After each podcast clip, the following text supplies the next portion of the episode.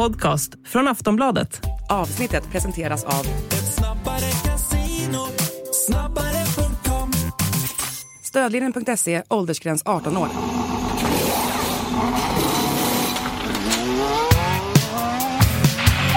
That was some fucking Viking comeback. Debris uh, behind. There's something strange with the engine.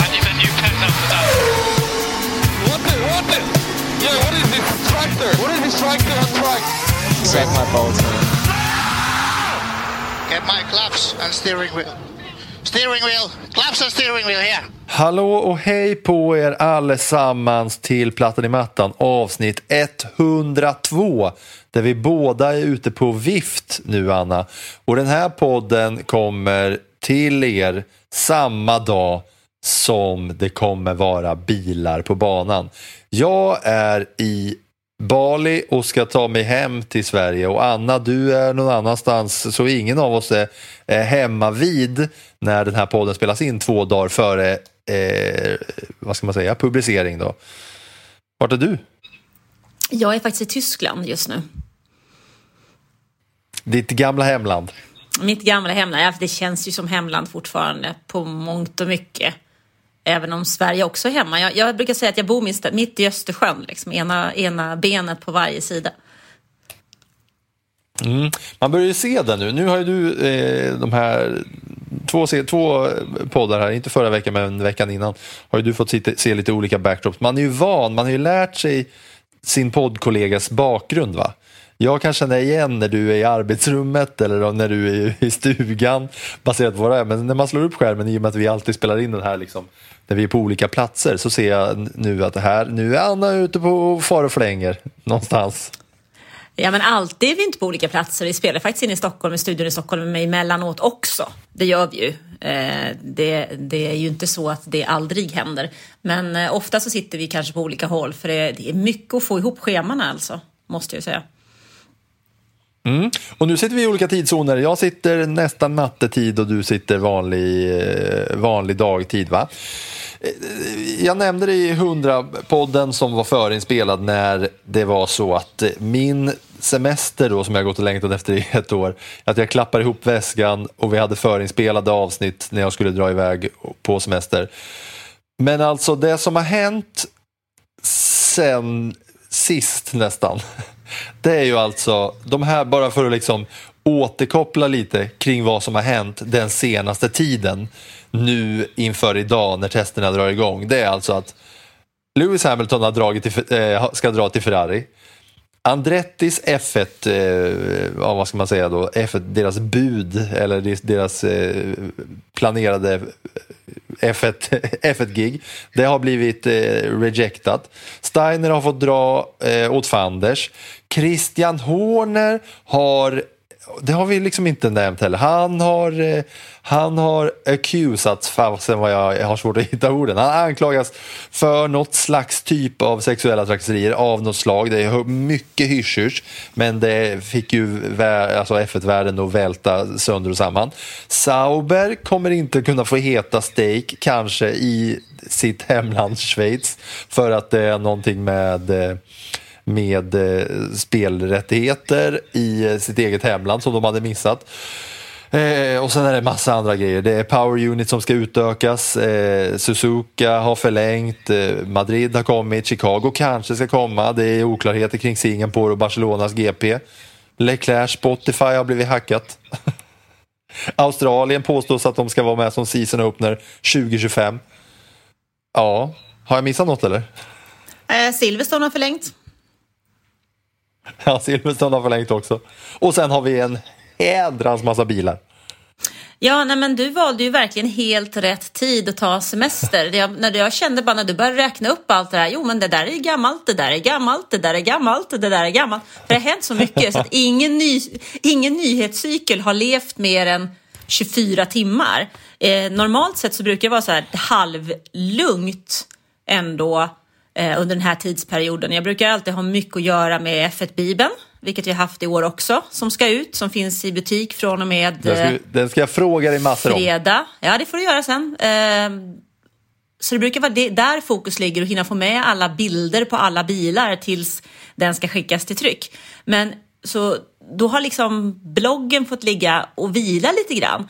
Men i år så har man ju verkligen fått, jag tror jag, inte varje dag har jag inte pushat nya inlägg, men det är nästan varje dag och vid vissa tillfällen till och med två gånger på ett dygn för att det har hänt så oerhört mycket. Efter en ganska lugn december i början av eh, januari så smällde det till där någonstans kring den tionde när eh, Günther Steiner fick gå och sen har det bara stått som spön i backen här med nyheterna. Så jag undrar lite grann när testerna nu drar igång ja, samma dag, onsdag då, när den här kommer ut, vad det händer på nyhetsfronten då. För det känns som att det är så många team som har gjort så stora förändringar på sina bilar så att det gäller verkligen att vara med för det kommer hända massor. Eller bara en sån sak tänker jag på nu, som att du pratar om steak och Sauber. Det var till och med så att jag fick eh, kontakta våran kollega i Norge på VG och våra vänner på Viaplay för att bara känna efter, alltså vad ska vi kalla de här teamen för? För någonstans är det ju så att de som jobbar, de, de som lyssnar på oss, läser bloggen, de tittar många av dem kanske på eh, den svenska kommenteringen också. Då är det väl käckt om, om jag och du och Janne säger samma sak. Liksom. Så jag skickade faktiskt med Janne ett uppdrag bort till Bahrain där han ska på testerna att kolla vad ska småtjurarna egentligen heta? F1 Steak kom vi överens om rätt snabbt att det kommer vi att kalla för Sauber för det är grundnamnet. Så då får vi både vi och VG köra Sauber. Funkar jättebra tycker jag, ligger bra i munnen. Men hur gör vi med de andra? Det blir intressant. Så han skulle återkomma till mig i slutet av veckan så jag kan väl meddela nästa vecka då vad vi har bestämt oss för. Ja, jag har tänkt lite på Visa Cash App RB för att de heter RB, men då, RB är ju Red Bull. Alltså om man säger RB. Vilket blir också konstigt. Man kan ju inte, det blir så himla svårt. Nej men vi snackar om WeCarb eh, lite grann. Eh, om det är rätt. Men eh, vi känner väl att ja, nej, hmm.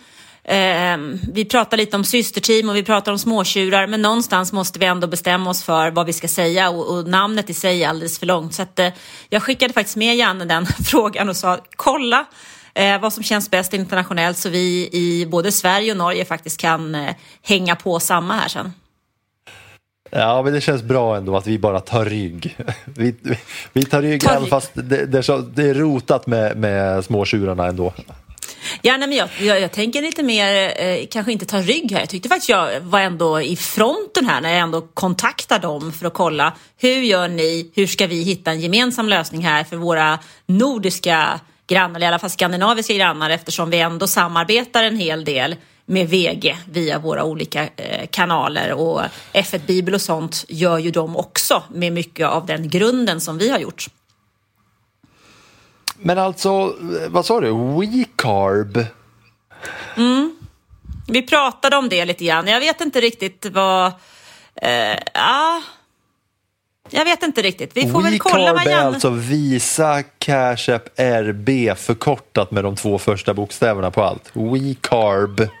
Ja, eh, precis. Alltså den, den eh, diskussionen hade vi. Men jag ser fram emot att höra vad Janne tar med sig tillbaka. Så får vi väl diskutera vidare och säga om vi känner att vi ska hålla oss till småtjurarna eller hur vi ska...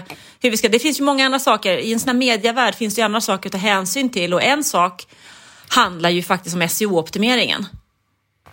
Alltså när vi skriver Ja, vad kommer folk texter och googla på? bloggar. Ja.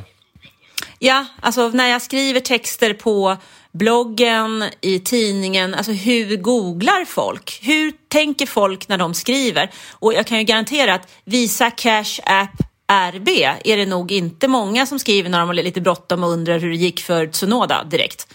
Um, så att därför är det viktigt att man tar tag i de där frågorna och försöker styra dem lite grann också så att vi är överens. För att någonstans är det ju, vi är ju en sak men sen de som följer våra sändningar är ju en annan sak och det är de människorna vi ska försöka att stötta och assistera på bästa möjliga sätt. Sen om du och jag säger småtjurarna, det kan vi väl göra. Men jag tror inte att det är så många som googlar på småtjurarna direkt. Svårt att få det att slå internationellt med småtjurarna. Småtjurarna i Norge kanske är någonting vad det skulle kunna vara. Eh, eller i Danmark. Men svårare utanför eh, Nordens gränser. Småtjurarna. Men, men du, vad har... Eh, eh, vad har vi mer att säga då, av de här grejerna som jag bara nämnde innan vi går in på de bilarna? För nu finns alla bilar och idag som sagt onsdag när man hör det här så rullar ju bilarna ut på bana. Sen så kommer det väl vara det ena och det andra som kommer förändras. Men utöver det, är det något mer man vill säga om Hamilton pratade vi om där i hundra avsnittet och det är väl inte så mycket mer utan det blev ju det liksom blev ju nästan överkört. Alltså, det, som du, det som du sa, att liksom, det kom en nyhet, man var tvungen att kötta ut det och sen så gick det inte 24 timmar innan nästa stora grej kom. Det var ju roligt ändå det här med Hamilton, att det var på liksom, fotbollens stora eh, transferdag, deadline day. Och man såg så jävla mycket roliga memes på hur, hur alla fotbollsfans satt och väntade på stora övergångar och så kommer F1 och Lewis Hamilton och bara som ett ångvält kör över hela fotbollsvärlden med den största övergången i hela liksom, sportnyhetsvärlden. nyhetsvärlden. Eh, men det enda är väl att eh, Charles Charlie Leclerc har faktiskt kommenterat med att han visste eh, att den här övergången skulle se. Det är i alla fall den officiella versionen. Sen om det stämmer eller inte, det är ju också så att man måste alltid ta ha i åtanke när det gäller Formel 1 att folk vet väldigt tydligt vad som ska sägas och inte sägas. Det är nästan lika viktigt vad som inte sägs i många lägen än vad som sägs. Och likadant när vi har tittat på bilar från eh, olika lanseringar så är det lika viktigt. Det där är styrda bilder som skickas av teamen så det är lika viktigt att titta där de eh, egentligen inte vill att man ska titta dit som där de vill att man ska titta dit. Titta, titta på bilderna, var är de som mörkast? Det brukar vara ett bra tips, för där gömmer sig hemligheter. Det känns som att eh, ett, ett sånt samtida uttryck som att man vill äga narrativet är helt rätt på plats här. Skoja inte. Eh, men du, den största grejen då av de här, det är ju Christian Horner. När man precis hade, kanske inte smält, men i alla fall börjat göra sig med bekant med tanken på Lewis Hamilton i Ferrari, så var man tvungen att börja utforska tanken på ett Red Bull utan Christian Horner. Kan inte du bara gå igenom vad är det som har hänt i den hela soppan? Alltså det, det enda som vi vet och det som är det viktiga i det hela det är ju att Red Bull har startat en internutredning med någon som ska vara en oberoende jurist som ska se över därför att det finns en anklagelse mot Christian Horner att han har uppfört sig opassande i samband med eh, skiddeltävlingen eller alpina deltävlingen i Kitzbühel mot en eh, anställd, ehm, en kvinnlig anställd. Eh, det pratas en himla massa om att det är bilder eller att det är andra saker. Det är dock inte bekräftat överhuvudtaget. Utan det som är bekräftat är att Red Bull har startat en internutredning. Eh, Christian Horner var med när Red Bull som sista team presenterade sin bil. Han kommenterade det själv med att det var väl inte helt lyckat att fokus ska ligga på någonting annat än bilen i stort sett. Eh, Fia har sagt i en kommentar att de vill se ett resultat snarast möjligt. Helst naturligtvis innan testerna börjar. Det sista här med testerna la jag till. Men Fia vill se ett och F1 vill se ett resultat eh, från den här utredningen så snabbt som möjligt. Men vad utredningen har kommit fram till, vilka konsekvenser får, vad som egentligen har hänt, det vet vi inte. Utan vi vet att Red Bull har startat en internutredning för att Christian Horner är eh, anklagad för opassande beteende. Nu var jag extremt kort här utan någon form av eh, rykten hit och dit. För sen finns det utifrån det här finns ja. det ungefär tusen rykten. Det, han, det, det, är ju rykten som säger både det ena och det andra och det femte och det sjunde. Men det kan vi ju inte på något sätt lägga någon värdering i. För vi vet inte. Ett rykte kan ju vara allt ifrån, det kan börja som ett, med ett gruskorn och sluta med en lavin egentligen. Men jag ska pressa dig lite där. Det som var ett rapporterat rykte, eller det som då i kvällsnyhetsspråk uppgifter kolon. Att han skulle försöka komma till uppgörelse då med den här kvinnan genom att betala en summa. Har jag rätt? De uppgifterna finns ju men de är fortfarande inte bekräftade. Nej, men i, i, i nyhets, eh, nyhets, kvällsnyhetstidningsspråk att det var uppgifter kolon. Många miljoner ska ha erbjudits för att betala den här kvinnan som sen då är, har hävdat att hon ska gå till domstol med det här. Mm. Men som sagt, vi får ju se vad internutredningen säger och vi får se om, att, om hon i sånt fall går till domstol med det. Eh, för uppenbarligen så finns det ju någonting i storyn, men det, jag tycker att det är svårt att sitta och säga att det är så här eller så här eller så här. Eh, jag säger inte att han har betett sig rätt. Jag säger inte att hon har betett sig rätt. Jag säger inte att han har betett sig fel eller att hon har betett sig fel, för jag vet inte. Det enda jag vet är ju att det är en, eh, vi vet att det är en intern utredning. Sen vad den mynnar ut i och om det kommer ytterligare former av eh, anmälningar efter det så får vi ju ta det allt eftersom. Steg två i det här är ju när vi får någon form av resultat så får vi se vilket beslut som Red Bull tar och då därefter kan vi se vilka konsekvenser det får för teamet. Det man ska ha med i det hela är ju att det har ju varit en oro inom Red Bull sedan dess att Dietrich Masicic av um, omkom för, det är väl ett och ett halvt år sedan ungefär nu då. För det, har, det finns ju Christian Horner som har varit eh, teamchef i det här teamet sedan de kom till Formel 1. Vilket ju är ja, snart 20 år sedan, vilket ju också känns helt otroligt länge. Men han har ju varit med sedan 2005. Eh, Helmut Marko har också varit med hela tiden och det har ju varit lite det har inte varit helt smidigt mellan de två. Sen har vi familjen Verstappen också som är också är väldigt, väldigt starka med Max och hans pappa Jos. Så att det har ju funnits en, en oro och i en organisation där man har haft en väldigt stark ledare som då försvinner. I det här fallet så, så avled han efter en eh, tids sjukdom. Så blir det ju ibland, eller det kan bli ett vakuum och så blir det liksom folk som ska hitta nya positioner. Så att, och det ska vi egentligen ha med oss när vi hör den här historien också. För det, vi vet ju inte riktigt vad som har hänt bakom stängda dörrar. För det som är viktigt också att veta i F1, det är ju att alla ser ju till att den storyn kommer ut som man vill ska komma ut. Och det kan ju också vara så att det finns en anledning till att den här storyn har läckt i Nederländerna. Så att, mm. För vi vet inte riktigt var står Max och Josh. De står väl antagligen Helmut Marko ganska nära. Var står Marko, även om han är 80 år i förhållande till Christian Horner. Det har funnits en viss, eh, inte osämja, men eh, snedbalans där när den tredje parten då har saknat. Så att, eh, det är väldigt, väldigt mycket frågetecken och betydligt färre utropstecken röra. En sak jag tänker på, F1 de har ju varit väldigt så neutrala eh, själva i det här fallet där de har sagt så här, ja vi ska se vad den här utredningen säger, det här har hänt, vi ska inte säga så mycket, vi vet ingenting.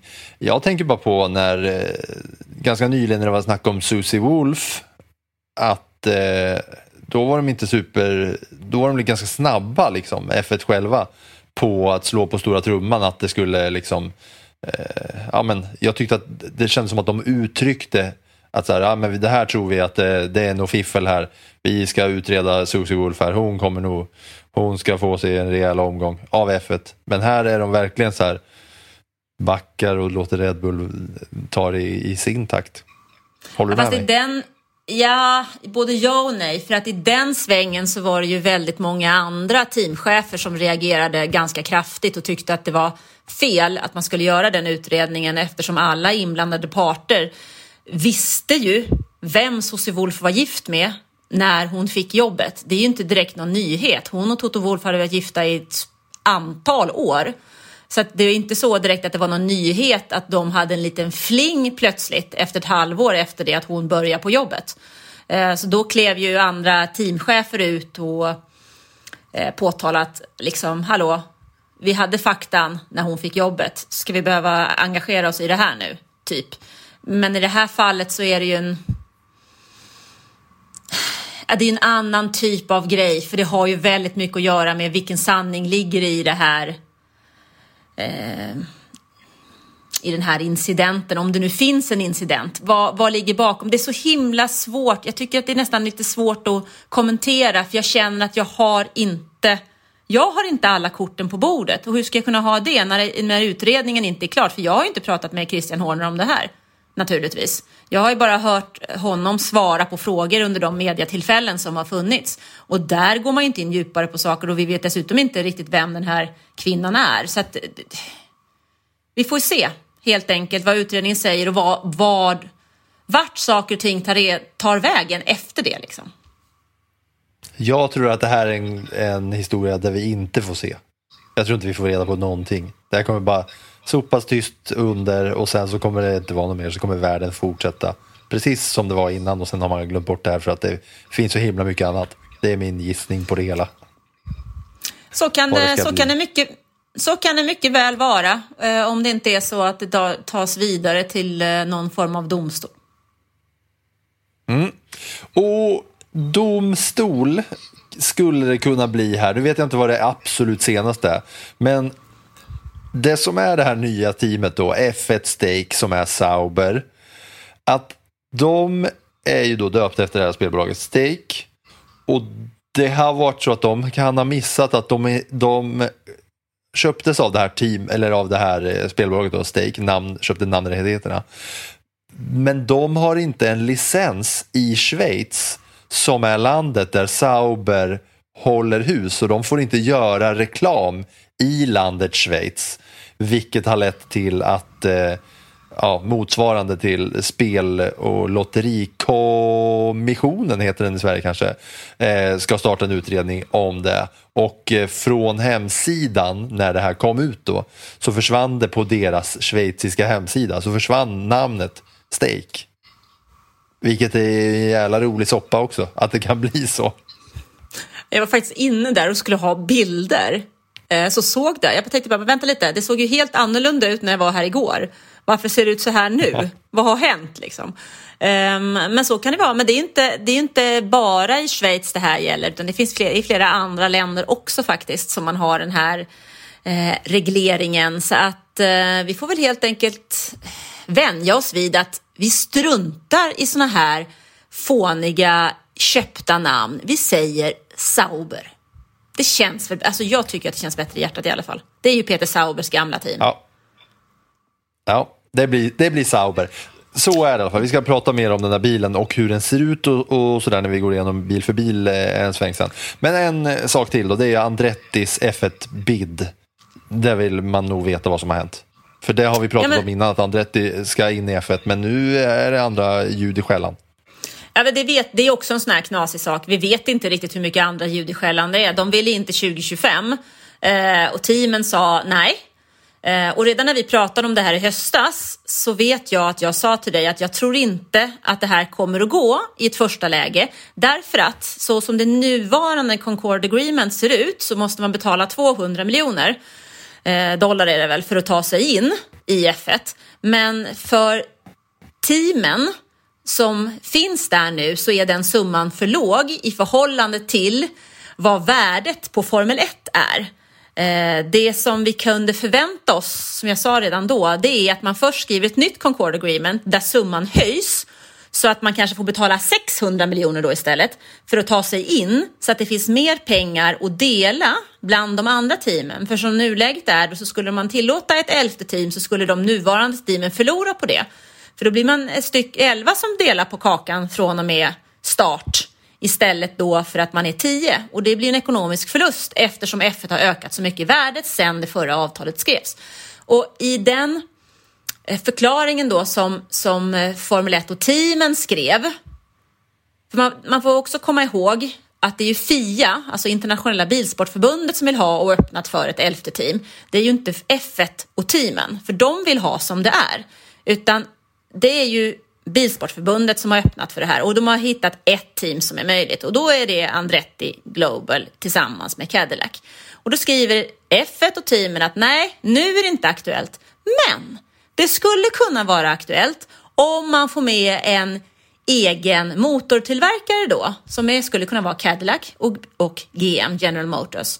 Och det var inte aktuellt till 2025 för de nya motorerna kommer först 2026. Så att ja, de fick inte komma med nu, men det är möjligt att efter det nya Concord Agreement skrivs från och med 2026 när vi har ett nytt motorregelverk så kan det vara så att de följer med, får möjlighet att komma in i F1 om de betalar mer pengar och har med sig GM då i form av Cadillac så skulle det möjligen kunna hamna i en helt annan situation. Så att nej, inte just nu, sen, hmm, vi får se. Otroligt bra beskrivet. Det, var, det, det tog det ju eh, punkt och pricka enligt alla pedagogikens eh, alla, alla grundbultar. Det fattar man allt. Perfekt.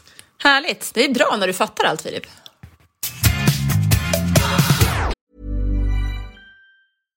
Finding your perfect home was hard, but thanks to Burrow, furnishing it has never been easier. Burrow's easy to assemble modular sofas and sectionals are made from premium, durable materials, including stain and scratch resistant fabrics. So they're not just comfortable and stylish, they're built to last.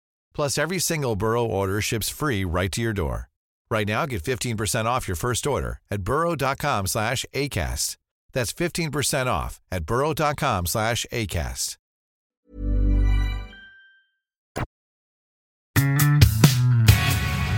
Okej Anna, med det överstökat då, en liten del av det som har hänt under det här, eh, ja men ändå en intensiv nyhetsperiod för eh, Formel 1-världen måste man väl ändå få säga va.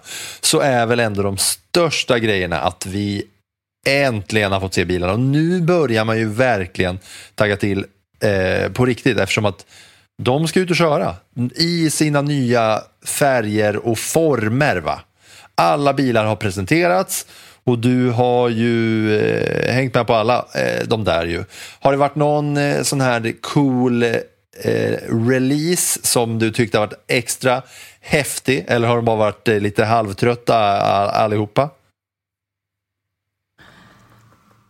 Um, tröttast var väl ändå Mercedes. Red Bull och vi... eh, nej, jag tyckte Red Bull och småtjurarna. Som, för det, det var så mycket skräp, ointressant skräp innan själva releasen kom så man hann ju tröttna 14 gånger om. Så de tyckte jag var absolut eh, långsammast. Eh, Mercedes, de var i alla fall sin tyska klocka trogen och drog ut allt när de sa att de skulle dra ut allt. Så det uppskattade jag i alla fall som satt med en eh, ganska tight Eh, deadline för att få loss Bibeln. Så att, men sen tycker jag att de här lanseringarna, alltså de är ju precis som du pratade om att man skulle styra narrativet. Det är väl lite där som vi hamnar. Um, för börjar vi på, den- tittar vi på den första bilen som släpptes, Haas, uh, så känns det som att ja, det är förändringar som har gjorts på bilen, uh, men vad är det egentligen som vi får se? Jo, vi ser att det är mycket svart och det är mycket kolfiber eh, för vi ska spara vikt och det tycker jag har följt med alla teamen sen att det har varit väldigt tydligt med att vi visar upp en bild som vi vill att ni ska se. Eh, den här bilen kommer antagligen inte se ut så här när vi kommer till testerna och definitivt inte på det här sättet när vi sen kommer till säsongens första race i Bahrain. Eh, och det där tycker jag har varit väldigt, väldigt, väldigt tydligt i år att alla bilder har varit så otroligt slätstrukna och välredigerade. Exempelvis så är det så himla tydligt på Red Bulls bil att man har tagit bort saker. Samma sak tycker jag även på Haas bil, att det är så luddigt på vissa håll och då vet man att där ska man titta dit. Tittar man på Mercedes å andra sidan så har ju de lagt dit detaljer som faktiskt bryter mot reglerna egentligen på de bilderna och för att man ska titta dit och inte se andra saker som de har gjort. Så det sett över hela lanseringstiden så skulle jag väl säga att det är väl det som jag har reagerat mest över hur man i vissa fall har suddat saker och i andra fall gjort saker extremt tydliga för att man ska titta på det och inte på någonting annat. Ja, för det är svart på alla bilar alltså. Det är så svart. Jag försöker kolla igenom, bara så här, blicka över de här bilarna. Men eh, ska vi ta dem bil för bil eller? Från, från eh, det. första, även fast du var inne och nosa och sa en del om Haas. Så eh, kollar man på Haas-bilen och det är ju inte jättemycket att, att säga om det där. De har ändrat lite med, med storleken på, på Haas, men det är liksom det är samma färger och det är samma former och kurvor. Eh, en liten ändring på eh, hjulskydden va? Ja, men framförallt så handlar det om, för Haas del så handlar det om att man ville göra förändringar i fjol men man kunde inte göra förändringar i konceptet på det sättet som man ville göra under fjolårets säsong för det var för stora ingrepp. Eh, så man gjorde vissa förändringar från och med tävlingen i Austin hade man sin enda stora uppdatering men den kunde liksom inte alls rädda säsongen och Nico Hülkenberg gick till och med tillbaks till en tidigare version av bilen. Så att sen har man gjort då en massa förändringar under vintern och de har väl liksom på något sätt hängt ihop med det där första konceptet man, man eh, visade upp i Austin och byggt vidare ifrån det. Sen får vi se, alltså ja, de lät inte speciellt eh, positiva själva utan pratade väl mer om att de ska vara nöjda eh, om de inte är sist. Ja, och, och, det är det som man lite glömmer bort här nu när man tittar in på alla bilar. För, man, för det man vid första anblick tittar på det är ju liksom vart de har lagt färgerna och det där. Men när man börjar titta och spana in så är det ju liksom de nya formerna på bilarna och där man kan se, alltså nu ska vi, nu ska vi nämna Haas här men det pratas väldigt mycket om ett vertikalt inblås på Red Bull-bilen som ska vara en sån eh, mega megastor förändring. Liksom. Men eh, det, man, det man ska eh, komma ihåg det är ju att det här är ju om, omformade bilar så gott det går även fast det är liksom färgerna som vid första anblick som man, som man ser på ju. Mm. Jo men så är det ju. Vi ser, och då, kom ihåg det igen, de visar bara upp det de vill att vi ska se. Mm. Eh, ja, men man kollar på Haas då. Tycker du att den eh, är fräsigare än förra året eller?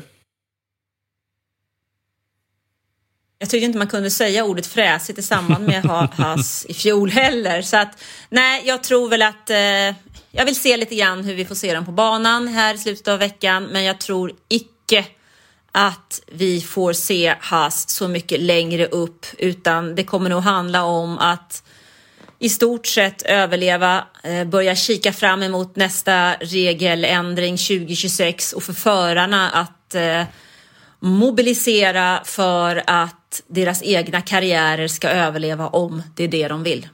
Mm. Så här då, eh, vi, vi behöver inte snacka skitmycket om varje bil eftersom att det inte är jättemycket att säga om alla. Men så här då, snyggare eller fulare än förra året istället för att plussa för att det är många bilar man väljer ett plus för att det inte är så mycket kul här. Det är mycket svart bara. Ja, alltså jag känner väl mest att det finns en anledning till att den är svart och det är att de ska spara vikt för det betyder att de har inte lagt någon eh, färg på där utan tar man bort färgen så kan man köra med kolfiber och det, då blir bilen svart och sätt att spara vikt. Eh, nej, jag tycker den blir lite mer eh, mellanmjölk. Mm. Jag säger snyggare än förra året på Haas i alla fall. Sen går vi vidare till Williams då. då. Och vad eh, har man att säga om Williams bil som jag tycker är fulare än förra året? Även fast de behåller den här Duracell-hyllade batterilucken i eh, blåset ovanför hjälmen. Ja, men när det gäller Williams så känner jag att eh, ja, bilen den går också mot svart. Eh, för att spara vikt. Jag är mer nyfiken på vad James Vowles har lyckats med i det där teamet och vad som har skett sen erfarna Pat Fry har klivit in som ny teknisk chef. Um, och enligt Fry i november sa han att eh, teamet har mellan två och fyra år på sig att ta upp kampen om en plats bland de tre främsta. Det är ett otroligt högt mål. Alltså Williams bland de tre främsta igen. Det är ett väldigt högt mål att nå dit på mellan två och fyra år. Så att eh, det som är spännande att se vad som händer med teamet, med strukturen, med logistiken, eh, med infrastrukturen i själva teamet. Sen tror ju jag att eh, vi får se lite grann var Alex Albon tar vägen. Han sägs ju ha ett kontrakt med eh, Williams även för nästa år. Eh, men eh, finns det någon klausul i det som Red Bull har varit och norpat på redan liksom? Eller, och vart tar Logan Sargent vägen? Alltså han kan ju inte få överleva ett år till om han blir så galet ifrånåkt som han blev under fjolåret. Mm. Jag tycker också att det är den där grejen att eh, det känns svårt för Williams att eh, på, de här, på den här korta tiden ta sig till en topp tre-placering. Särskilt eftersom att man kommer behöva göra det utan, utan Alex Albon. framöver eftersom att han kommer ju inte bli långvarig där, så är det ju bara. Jag kollar på den här Williams-bilen och ser eh, eh, vad, vad, man ska säga, den mest tydliga skillnaden är väl att liksom fram, eh, framnosen, hela, hela pilen där framme var mycket mer rundad förra året än vad den är nu. Eh, en, som en ganska stor förändring i alla fall bara man, vid, vid första anblick. Eh, vi går vidare till nästa team då som är det mest förändrade teamet av dem alla. Sauber som de heter i Schweiz och även i plattan i mattan folkmun men officiellt F1 Stake Sauber.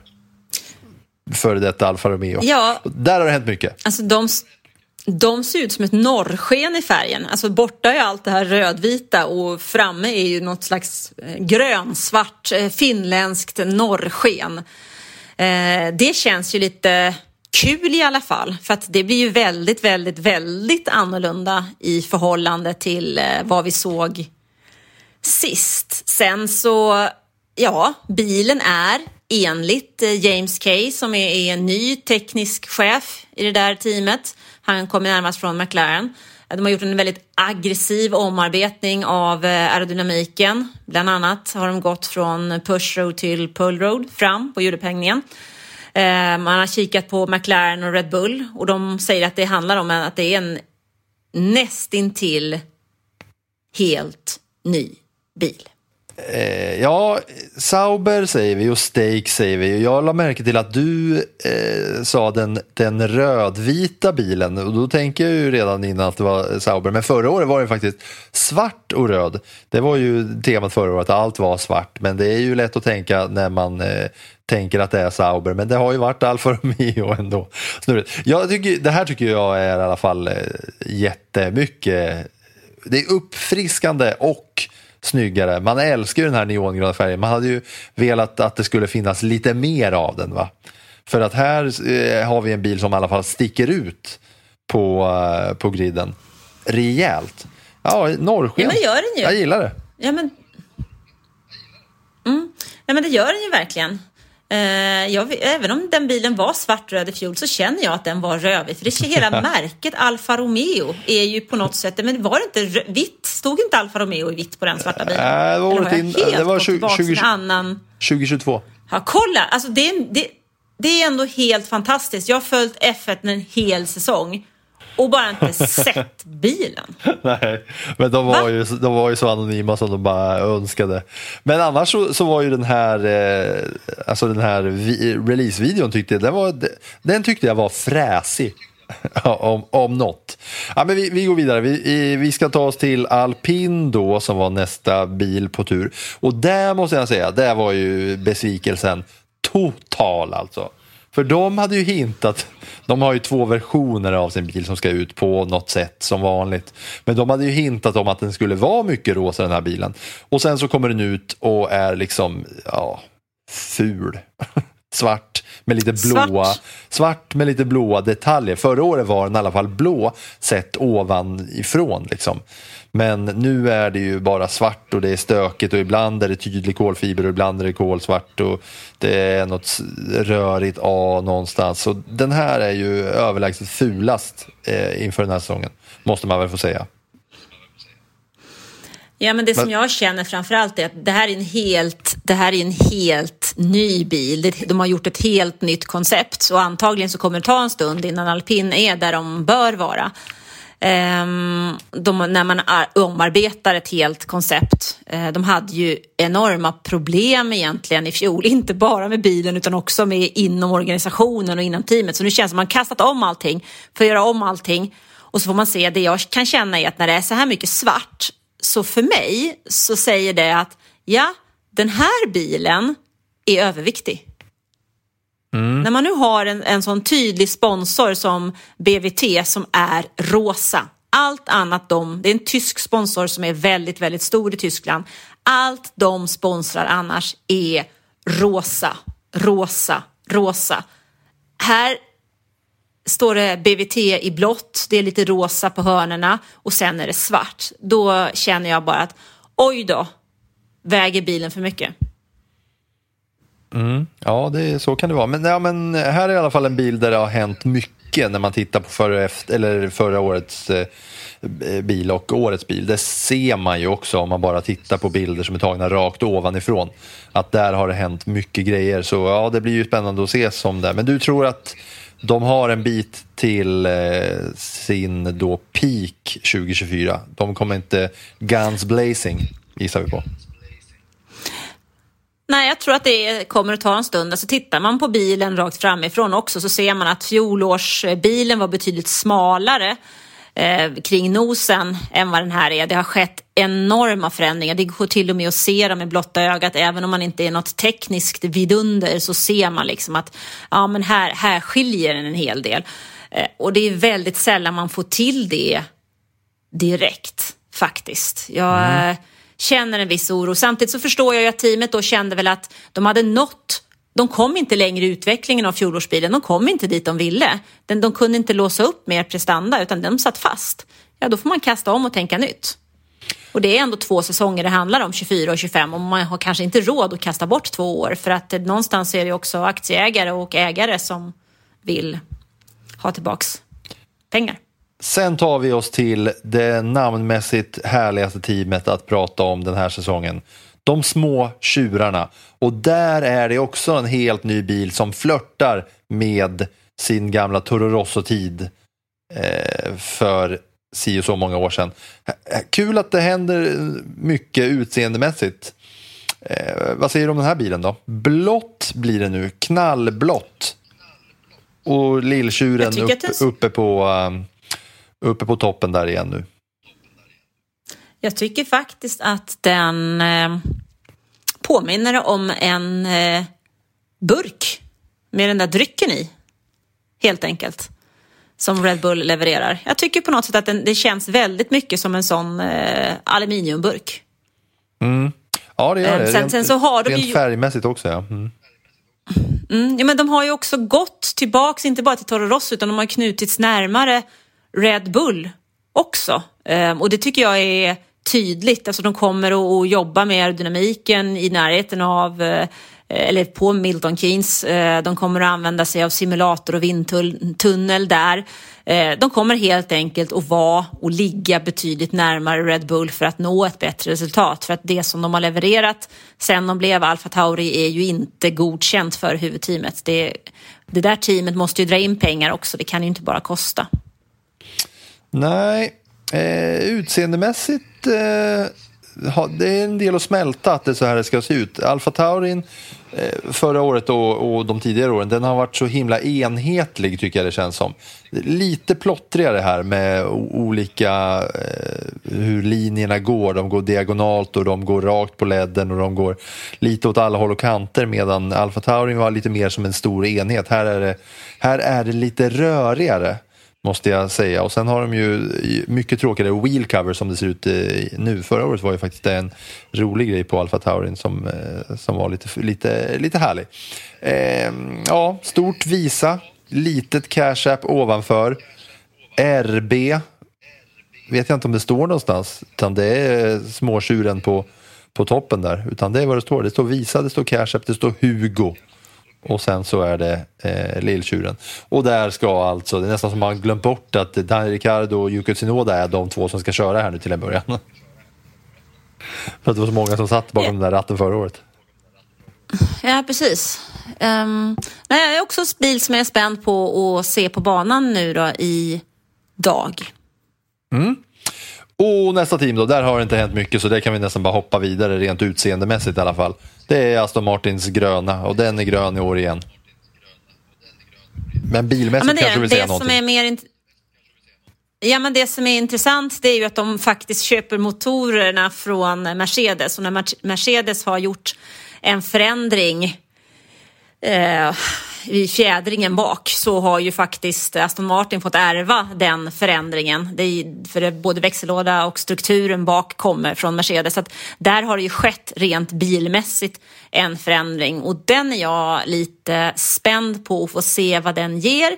För vi kommer ju ihåg hur det teamet var otroligt starkt under inledningen av fjolåret men sen tappade under den avslutande delen av säsongen. Så att eh, vad detta kan ge, det är jag lite spänd på. Alonso pratar om att ta stallets första seger, så får vi se hur nära det är. Ja, det ska mycket till för att de ska göra en lika bra start som de gjorde förra året, måste man väl ändå få säga. Men det känns inte som att det är så mycket mer att, att, att prata om med den här bilen, för den ser exakt likadan ut. Det är väl någon liten nyans i den där gröna färgen som har förändrats pyttelite. Sen kommer vi till Ferrari, teamet där Lewis Hamilton ska köra 2025. Men 2024 är Leclerc och Sainzen ändå som ska köra. Men här har det ändå hänt lite eh, utseendemässigt va? Och Leclerc har varit ute och snackat gott om den här bilen va? Men det har han gjort förut. om tidigare bilar. Eh, li lite som du säger, ja, i fjol så skulle ju motorn vara en raket. Eh, det var den ju kanske. Eh, men inte på banan över ett race i alla fall, möjligen i ett kval. Ehm, det som är intressant här är att den gula färgen har kommit tillbaks. Man flörtar lite grann med Ferraris satsning i långlopps-VM i, i veck också. Ehm, den var gul lite grann på det här sättet i slutet av 60-talet.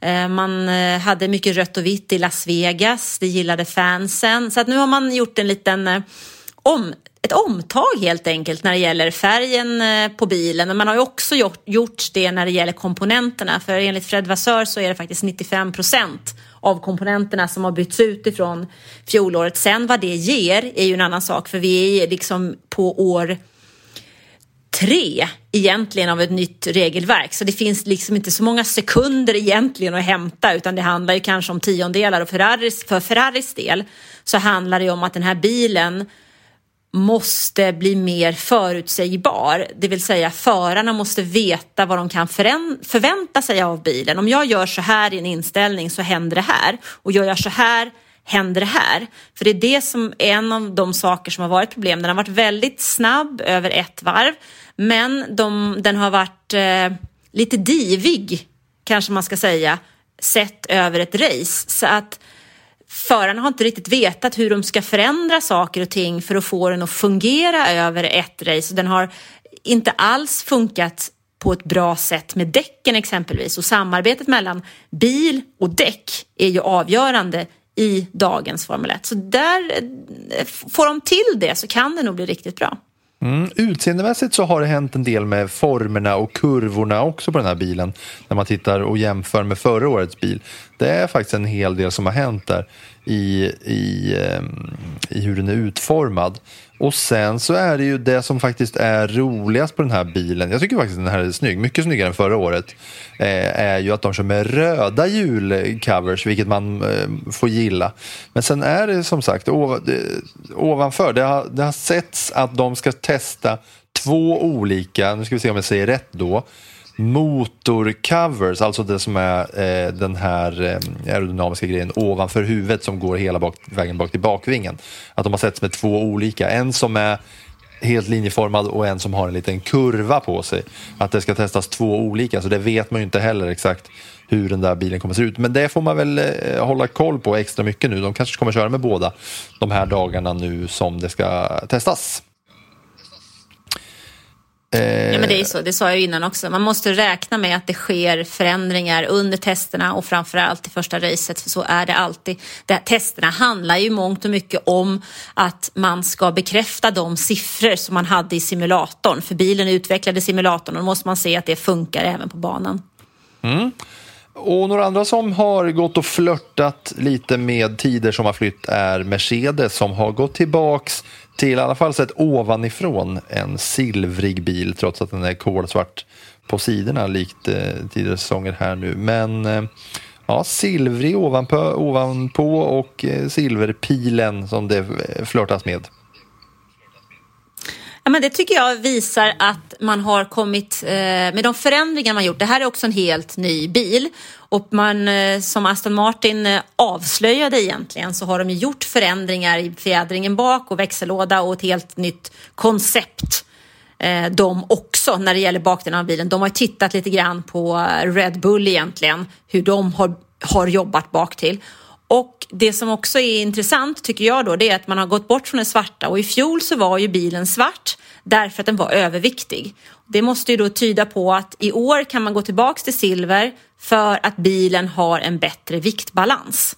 Så att den är väl mer, den är väl något lättare och då har man liksom kunnat eh, förändra och ta tillbaks silverfärgen. Då har man, haft råd med det. Mm. Ehm, jag är lite spänd på den här bilen faktiskt. Och då är det så med vikten, vi har pratat om det här tidigare säsonger, att då är det så att det finns en lägsta tillåtna vikt. Och då kan det vara så att de varit precis nere och flörtat med den gränsen och då, eh, därför kan man då stryka på färg som gör att den tar sig upp lite över den där gränsen. Då. Får man väl gissa sig till kanske i alla fall eh, med ett med lekmanstermer. Va? Eh, lite mer rött på- utblåset ovanför, eller på blåset ovanför, eh, ovanför hjälmen eh, vid i eh, reklambiten, vilket är rätt snyggt. Men den här bilen är också eh, snyggare än förra året, får jag eh, tycka. Vad tycker du? Jo, men jag gillar ju att silverpilen är tillbaka, att silverfärgen är tillbaka. För jag tycker eh, historien är väldigt viktig i eh, Formel 1. Um, ehm, och för mig så är Mercedes silver. Ehm, ja, sen är det Red Bull kvar och den ser ju exakt likadan ut eh, färgschemamässigt va? Inte ett ord ska jag säga Ja, om men- den. Nej, men eh, det jag tycker är lite sådär med Red Bull, det är att man fick ju se, jag såg lite bilder på Twitter på när de hade varit ute och kört med den eh, på sin shakedown inför sin lansering. Och sen när man ser lanseringen så är det så himla tydligt, du pratar om de här vertikala luftinblåsen och, och eh, eller insläppen, så det är så tydligt att de är liksom suddade på alla bilder. Så jag blev nästan lite trött för jag kände att ja, men här är det så himla tydligt vad man vill visa. Eh, Mercedes hade ju också en grej, alltså de la ju på saker då som för, för att visa upp saker som de ville att kon- förbluffa konkurrenterna med som skulle titta dit så de inte skulle titta på andra saker. Det är ju också en taktik liksom att, att göra det. Det har de ju hållit på med i F1 under många, många år. Att man lägger lite extra fokus på någonting för att konkurrenterna ska titta på det och inte på det man egentligen har gjort. Det är ju ett tjuv och rackarspel. Men just när det gällde Red Bull så tyckte jag nästan att det var ah, lite för trista bilder som kom ut. Lite väl tydligt retuscherat och suddat. um, för att komma undan. Sen kanske det också beror på att det har varit så mycket annat snack kring teamet. Du, eh, McLaren har vi inte nämnt. Jo, eh, nej, nej då, vi har inte den McLaren. Jag sitter precis nu för att jag hade bestämt mig att jag skulle zona ut så snabbt det bara gick på Red Bull. Så re, började jag redan kolla på eh, sammanfattningen av, av alla bilar när de var samlade och då såg jag ju McLaren som vi inte har sagt. Men vi kan väl lämna Red Bull eller? Det är inte så kul att säga för den ser exakt likadan ut och sen det tekniska det kommer man få se runt testerna va? Så eh, Mm. vi, vi, vi, vi tar McLaren där, för de var ju ute tidigare än Haas. Vi sa att Haas var först, men McLaren var ju ännu tidigare. De tjuvstartar ju liksom. De har ju i princip bara så här inverterat färgerna eh, mot förra året. Där det var orange förra året är det nu svart och vice versa, typ. De har kvar sina Google eh, wheel covers och har plockat bort det blåa som de hade på sin bil förra året. Jo, men det är ju en eh, McLaren som hade en sån fantastiskt bra höst. Alltså de hade ju en usel säsongsinledning. De hade ju väl, hade, hade de fem nollor på de nio inledande racen eller något sånt där i fjol? Det var ju helt katastrof. Och sen från och med Österrike, men framförallt i Storbritannien när båda bilarna var uppdaterade så vart det ju ett team att räkna med. Så de har ju kunnat bygga vidare på det under vintern. Och det är ju lite intressant att se vad en sån som Rob Marshall som har kommit från Red Bull eh, och sen eh, David Sanchez som har kommit från eh, Ferrari och de började nu i vad blir det, första januari. Spännande att se vad de kan bidra med i utvecklingen under det här året. Mm, och utseendemässigt så, ja, utöver det jag sa så, eh, när du säger Silverstone där så tänker jag på att de också kommer sin snyggaste version av sin bil då när de hade eh, silver chromat med eh, papayan alltså. Och det var ju deras snyggaste för året. De hade lite olika då då, då eh, McLaren, vilket man eh, gillade då. Va? Men där är bilarna i alla fall och sen kommer vi nu komma in då från och med nästa vecka som är efter testerna före första racet så kommer vi nog kunna snacka en hel del om det, vad man har sett på testerna. Men testmässigt nu då, Anna, när vi har, eller när vi har gått igenom de här bilarna, har du någon som du tycker är lite snyggare än någon annan bil? Jag tycker nog att Ferraris bil är snygg i år. Sen om det beror på att allt annat, eller många andra känns väldigt svarta, att jag gillar att det här röda liksom sticker ut, för det känns som att det kommer ju att lysa i fältet på något Mm. sätt. Red Bull blev jag lite, tyckte jag kände som du sa, nu säger jag ingenting mer för den känns Nej. lite tråkig. Ja, jag, jag håller med dig. Ferrari och sen apropå lysa så eh, jag lyfter fingret för F1 Stake. Jag, jag gillar att det, det är nya och det är klart lysande färger där. Sen får, kommer det väl inte vara lika roligt eh, rent racefartsmässigt på dem. Eh, ja men det har vi dem i alla fall, alla bilar för i år som nu rullar ut på banan. Kanske exakt samtidigt som många av er lyssnar på det här avsnittet. va?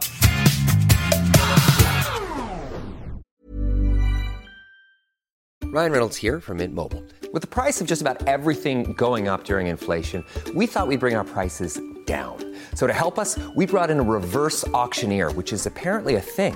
Mint Mobile unlimited premium wireless. Ready to get 30, 30, bit to get 30, bit to get 20, 20, 20, bit to get 20, 20, bit to get 15, 15, 15, 15 just 15 bucks a month. So, Give it a try at mintmobile.com slash switch. $45 upfront for three months plus taxes and fees. Promo rate for new customers for limited time. Unlimited more than 40 gigabytes per month. Slows. Full terms at mintmobile.com.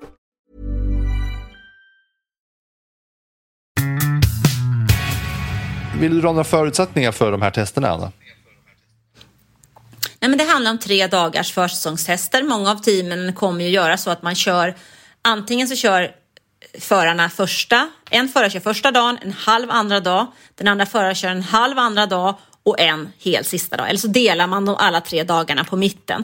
Det som vi som tittar ska hålla koll på. Det är inte jättekul att titta på tester för du tittar en hel förmiddag och en hel eftermiddag och du får en massa tider men du vet inte riktigt vad du ska jämföra med egentligen för du har ju ingen aning om vad de har på bilen och vad de testar, hur mycket bränsle, eh, vad de vill ha ut av testerna. Det vet vi ju inte. Det är inte så att man får en lista som talar om vad de ska göra utan man kan titta lite grann vad de gör och hur bilen går och man kan titta när de kör kvalsimuleringar och man kan titta när de kör längre stinter så kan man själv klocka och jämföra. Liksom. Men det som är viktigt är ju att inget team tillbringar för mycket tid i garaget. Det är ju jätteviktigt, framförallt för de här teamen. Jag tänker på Mercedes, Ferrari, Alpil, Williams, Aston Martin som har gjort väldiga förändringar. Ja, även då Sauber som har gjort stora, stora förändringar.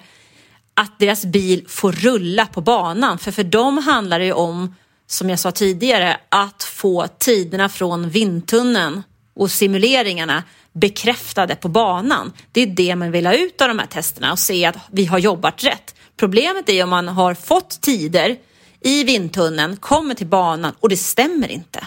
För då måste man börja leta och titta och förändra och vi har tre testdagar inför hela året. Det är det som finns. Med det här nya budgettaket vi gör, har så är det också så att det är mycket, mycket svårare att ta sig i kapp.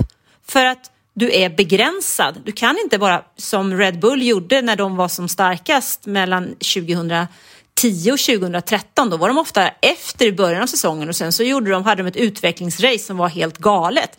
Putta in hur mycket pengar som helst. Men det kan inga team göra i år, utan sen budgettaket infördes så är du efter, det är väldigt, väldigt svårt att komma ikapp. Så att eh, det gäller att ha en bil som är på banan och en bil som ger de svar som man redan har fått. Att det är samma svar, så att säga, som man får en gång till, så svaren är bekräftade. Det är viktigt. Testerna har kommit att bli en favorit för mig rent som slow tv nästan. Jag sitter liksom inte och tittar på det, men vad jag än gör så lyssnar jag och har det på. Att man hänger med hela dagen för att eh, Viaplay och Janne och gänget, de, de sänder ju alltihopa, det är hur många timmar som helst. Så det där har jag gillat att ha bara, oavsett vad jag gör. Förra året var jag iväg och eh, sände, vi, vi sände Svenska cupen i innebandy, då var jag iväg och jobbade. Då hade jag liksom under resan mellan olika städerna och inför eh, de här sändningarna som jag programledde, så hade jag F1-testerna på bara så här, nästan dygnet runt från att jag vaknade till att jag gick och la mig. Bara hade dem på och gick omkring med. Det kommer jag väl eh, göra nu också, det kan jag tipsa om. Vad man än gör där hemma, man påtar omkring lite i hemmet eller man, man är ute och rör på sig, då är det mysigt att ha F1-testerna på för att som du säger, det är ju inte jättekul att titta på. Men det är ju, eh, det är ju liksom den ultimata måttstocken för att nu är säsongen här som vi har gått och väntat under hela vintern ju. Nej men så är det ju och numera när det är tre testdagar, för ett par år sedan så var det ju liksom nio testdagar. Då var det först tre testdagar i, om det var Jerez eller någonting, eller, och sen var det i Barcelona två gånger tre dagar. Så det har ju krympt, så antalet dagar är ju så mycket färre nu i förhållande till hur det var bara för fem, sex år sedan. Så att det, de har ju en stor betydelse. Det, det kan man ju inte komma bort ifrån. Och, men jag kommer väl att hålla koll på dem där också på bloggen eh, och leverera någon form av sammanfattning på kvällarna om man nu inte har möjlighet att, att sitta och kolla hela dagen eller ha, vill, vill lägga tiden på det så kommer jag ju naturligtvis att leverera eh, på kvällstid. Så att när testerna är klart så får man i alla fall en lite känsla för vad som har hänt, vilka som har stått i depån och vilka som har kört mest. Framförallt det är ju också viktigt att se att bilarna är tillförlitliga, att de tuggar in sina varv. Liksom. För det är det som är grejen. Det, det, kan ju vara en och annan krasch och det kan vara en och annan motor som havererar eller liknande tekniska eh, problem med de här nya bilarna. Också. Ja, definitivt. Definitivt. Sen kan jag väl också tänka mig att nu eh, börjar det ju bli, ni som inte har spelat Motor Manager än, har du hunnit plocka ut ditt lag eller? Nej, det måste jag väl inte göra förrän första kvalet tänker jag. Men jag ska börja in och nosa på eh, priser och vad, vad, vad de kostar och se hur jag kan komponera. Så eh, det tror jag jag kommer mm. göra från och med touchdown i Sverige. Ja, för det är en sån här sak som också testerna kan vara bra för att man har lite koll. Nu har jag ju bett, både Marcus Eriksson har tagit ut sitt lag, Felix Rosenqvist har tagit ut sitt team. Charlie Häggstam har tagit ut ett team och Johan Kristoffersson som är sexfaldig världsmästare i rallycross har plockat ut sitt team eh, åt oss. Jag har också plockat ut ett team redan faktiskt innan test. Jag får se om jag får in och, och ändra där lite grann efter de här tre dagarna. Man vet det aldrig liksom. Men Ja, men där, så det har ju börjat och nu börjar det kännas för att det där är ju också ett sätt att uh, hålla lite koll. Ja, så är det verkligen och det där är ju roligt. Jag har ju lite side bets under säsongen i Motormanager. Så jag har faktiskt en, en rejäl pangmiddag att utkräva från förra årets eh, seger. Och sen i en annan, i en annan tabell med några andra polare så har jag en, en middag jag måste betala till min ständigt vinnande vän eh, Wilhelm Berlin som alltid vinner år efter år våran motormanagerliga. Så han får alltid en pangmiddag inför varje F1-säsong. Så det är dags att eh, göra bot för de här interna eh, betsen i Motor Manager. Men du, något som man också är taggad på nu när jag kommer hem från min Bali-resa här är ju att eh, jag vill ju åka in till redaktionen och hämta ut en F1-bibel före att den kommer ut i butik. För att tagga till. Bästa sättet att tagga till inför säsongen. Ja, den kommer faktiskt ut i butik på den här, i slutet av den här veckan, om jag har förstått hela rätt. Så i slutet av eh, kan det vara den 24 då, något sånt där, så ska den finnas i butik om man nu inte har beställt hem den, för det kan man också göra. Man kan beställa den hem och få den hemskickad. Um, och det har ju varit en intressant vinter kan jag säga. Vi har ett stort Indycar special eftersom Indycar drar igång veckan efter Formel 1. Så där har jag snackat med alla svenskarna. Vi har gjort ett jättejobb med Anderstorp och för hur F1 kom till Sverige. Eh, med massa bilder faktiskt som inte har varit publicerade tidigare. Grävt fram en massa containrar och grejer. Jag har varit ute och pratat med folk som har haft bilder, jätteskoj. Ehm, det har vi gjort. Jag har snackat med Jenson Button om eh, Braun GP och den succén och det succéåret. Jag har faktiskt lyckats övertala Nico Rosberg till en intervju också. Eh, han är faktiskt den senaste F1-föraren eller den enda F1-föraren faktiskt de senaste tio åren som inte heter Max Verstappen eller Lewis Hamilton som vunnit en VM-titel. Bara en sån sak. Eh, ja, ni vet vad ni ska göra då alltså. Det är dags att knalla in på sportbladet.se och starta era motormanagerlag. Det är även dags att knata in på samma sajt där ni kanske kan förbeställa då eh, F1-bibeln om ni vill ha den hem i brevlådan inte så många som har brevlåda nu kanske, man har väl brevinkast eller någon slags eh, uppsamlingsplats där breven kommer. Eh, eller då bara knata till affären, ännu härligare. Gå till affären och köpa eh, F1-bibeln så man har den i hand mm. när man knallar hemåt inför en god stund under helgen med en kopp kaffe eller en grogg eller tre kanske. Ja, men man får nog göra i fjol, i fjol. Det var grejen var att i fjol tog ju faktiskt den här eh, bibeln slut i flera butiker, vilket var eh, roligt för oss som hade gjort den där. Men eh, det gör ju att man ska kanske inte vänta till eh, sista eh, lördagen när det är premiär och handla den, utan ta den direkt. Det är våra sista tips till er innan vi avslutar den här podden. Vad kul det ska bli ändå att nästa vecka så är det det sista avsnittet innan säsongen är igång på riktigt och vi faktiskt kommer ha sett säsongens bilar på banan. Det är otroligt. Nu går vi inför en säsong där vi nästan varje vecka kommer ha ett F1-race att snacka om och en hejdundrande massa annan hula baloo hela säsongen. Och det ska bli himla himla kul ju. Nu kör vi. Nu kör vi. Fast det är nästa vecka vi kör eh, på riktigt, men det är ändå nu vi kör. Nu kör vi. Tack för att ni lyssnade. Hej då.